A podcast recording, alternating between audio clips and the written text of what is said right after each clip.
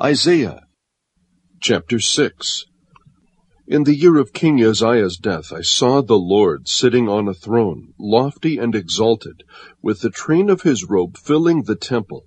Seraphim stood above him, each having six wings. With two he covered his face, and with two he covered his feet, and with two he flew.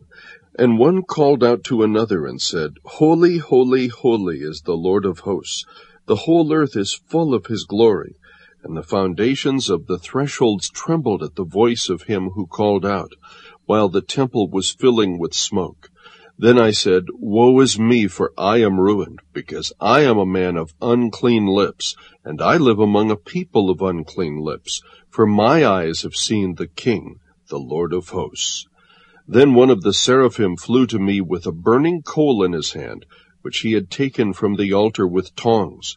He touched my mouth with it, and said, Behold, this has touched your lips, and your iniquity is taken away, and your sin is forgiven. Then I heard the voice of the Lord saying, Whom shall I send, and who will go for us? Then I said, Here am I, send me. He said, Go and tell this people, Keep on listening, but do not perceive. Keep on looking, but do not understand. Render the hearts of this people insensitive, their ears dull, and their eyes dim. Otherwise they might see with their eyes, hear with their ears, understand with their hearts, and return and be healed. Then I said, Lord, how long? And he answered, Until cities are devastated and without inhabitant, houses are without people, and the land is utterly desolate. The Lord has removed men far away, and the forsaken places are many in the midst of the land.